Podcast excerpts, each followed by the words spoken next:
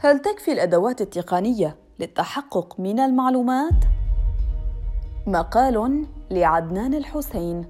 التحقق من صحة الأخبار ليس دواء سحريا ضد الأخبار المزيفة لكنه إضافة مطلوبة بشدة إلى آلة الأخبار.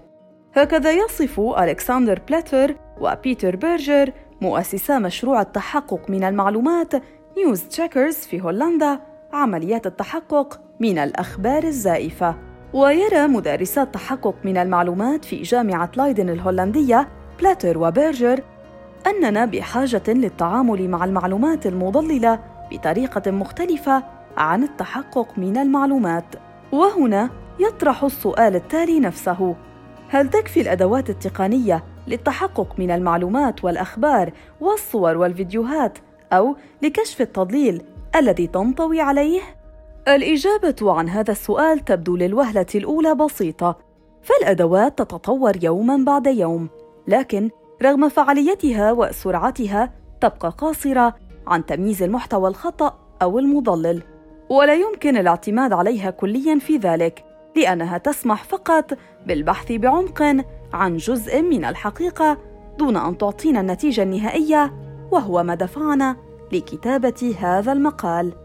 منذ الأيام الأولى من الحرب الأوكرانية نعمل في فريق التحقق بوكالة سند التابعه للجزيرة بوتيرة غير مسبوقة.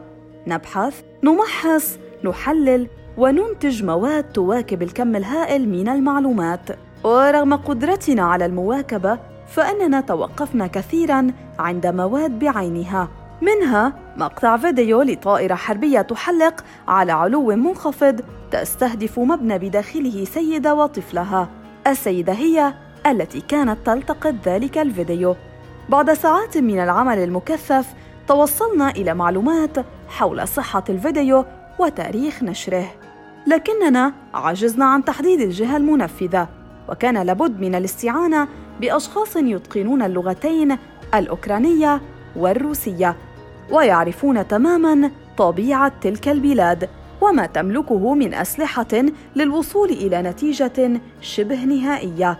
إن المعضله الأكبر في عملية التحقق كانت في فهم السياق العام والتحليل الاستراتيجي حتى نستطيع الحكم بنتيجة نهائية.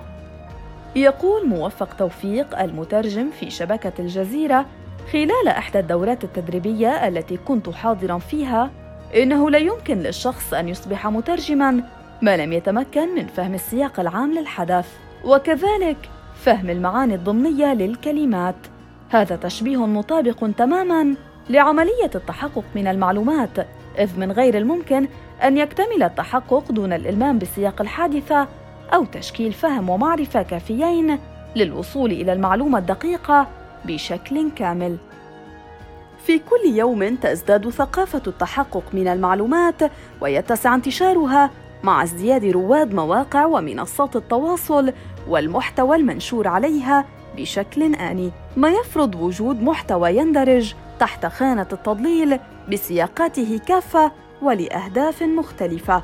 لكن مع تطور الأدوات والذكاء الصناعي يقع الصحفيون خلال استخدامهم لهذه الأدوات في فخ التحقق الشكلي دون الوصول إلى أصل المعلومة وذلك لعدم قدرتهم على فهم سياق الحدث أو المعلومة. وتحاول مؤسسات إعلامية تفادي الوقوع في فخ المعلومات المزيفة بتوظيف فرق داخلية مهمتها التحقق من الأخبار والصور والفيديوهات والمعلومات. فتمر المادة الإعلامية على هذه الفرق التي تعيد إنتاجها والتحقق منها قبل نشرها. ومع ذلك يظهر بعد حين أن التحقق المبني على الأدوات أوقع المؤسسة في فخ التضليل غير المتعمد بتقديم معلومة غير أصلية. وهناك أمثلة كثيرة حصلت وتحصل في كبرى المؤسسات الإعلامية العربية والأجنبية. فهم السياق. ولفهم أهمية الإلمام بالسياق وموهبة التحليل عند المتحقق نأخذ مثالا حيا من الحرب الروسية على أوكرانيا المستمرة منذ أشهر حيث وقعت عشرات المؤسسات في فخ التزييف والتضليل بعد أن نقلت مقاطع فيديو وصورا لم تستطع الأدوات التقنية المتوفرة في الوقت الحاضر كشف زيفها.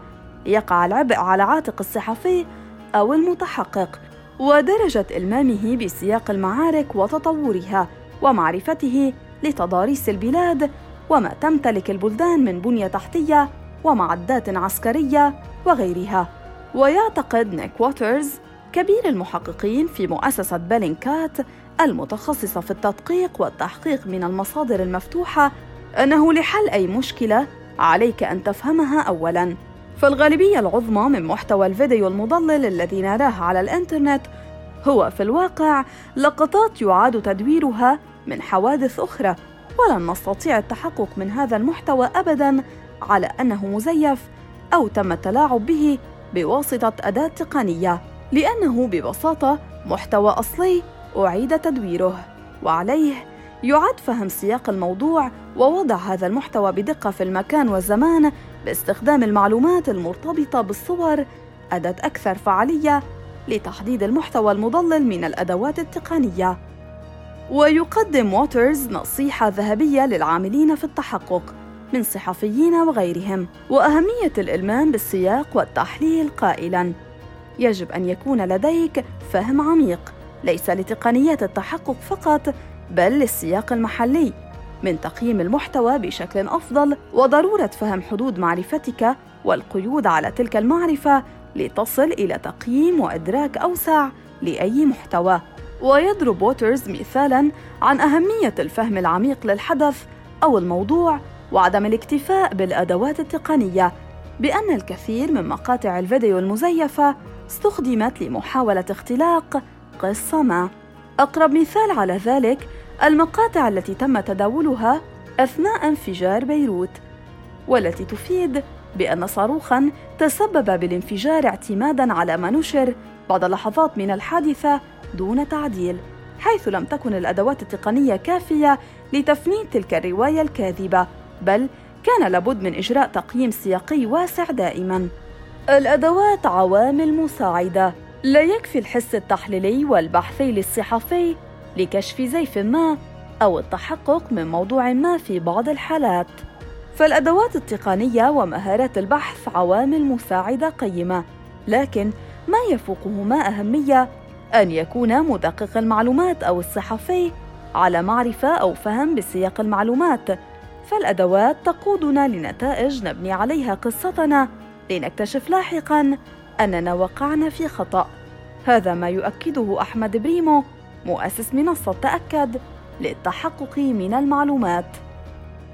ويقول بريمو إنه من الضروري لأي مدقق أو صحفي امتلاك ثلاث مهارات استخدام الأدوات التقنية على النحو الأمثل التحليل والبحث والأهم من ذلك معرفة وفهم سياق الموضوع أو الحادثة وفي حال افتقاده للمهارة الثالثة فيجب عليه الاستعانة بزملاء أو أشخاص على دراية كاملة بسياق الموضوع الذي يبحث فيه أو يعمل عليه. إذا كان تدقيقك للحقائق يقتصر على من، ماذا وأين ومتى، فلن تفهم أبداً السبب، وللحصول على إجابة عن سبب حدوث شيء ما، فأنت بحاجة دائماً إلى سياق. هكذا يجيب هانك فان آس الخبير في التحقق من المصادر المفتوحة عن أهمية المعرفة بالسياق في أي قضية تحقق من المعلومات. ويقول فان آس عن أهمية فهم السياق والتحليل العميق يمكنك سرد جزء فقط من القصة بواسطة الأدوات، لكن للتحقق لا تحتاج مهارات حرفية فحسب، بل تحتاج أيضاً إلى مهارات جانبية مثل البحث الإبداعي في الأنماط والسياق ونقاط الترابط الخفية. ويعطي فان آس نصيحة قيمة لكيفية التعرف على السياق لأي حدث ما بالقول يتم ضبط خوارزميات منصات التواصل الاجتماعي ومحركات البحث على ما يريد عامة الناس معرفته بينما تعمل وسائل الإعلام بالفعل مع جمهور أوسع. لكن أبحاثهم غالباً ما تكون مركزة ومفصلة للغاية. ويعتقد هينك أن الاستخدام الأكثر فعالية للأدوات يكون بكيفية طرحك للسؤال الذي تريد الإجابة عنه. فعندما لا تقوم بالتصفية البحثية بذكاء ستحصل على نفس الإجابات التي يحصل عليها الجمهور. ويرى أن أفضل طريقة للتحقق من الأشياء هي الرجوع إليها ولأصلها. على سبيل المثال عندما تجد مقالا عن اجتثاث الغابات في بلدة برازيلية صغيرة في جوجل اكتب الكلمات الرئيسية الكلمات المفتاحية مرة أخرى بدون المصدر. فستحصل على معلومات سياقية بسرعة أكبر وهذه الطريقة التي يستخدمها بشكل يومي. إذا أردنا حقيقة أن نلخص عمل مدقق المعلومات أو الصحفي المتخصص بالتحقق من المعلومات فعلينا أن نشبهه بقاد في المحكمة ينظر إلى القضية من جوانبها كافة ويرى جميع التحقيقات الجانبية وتاريخ ومكان الحادثة. ثم يستخدم فهمه لسياق الحادثة قبل الإعلان عن قراره النهائي. وهكذا عملية التحقق لن تنجح طالما لم توظف كل حادثة في سياقها وفهمها بشكل كامل.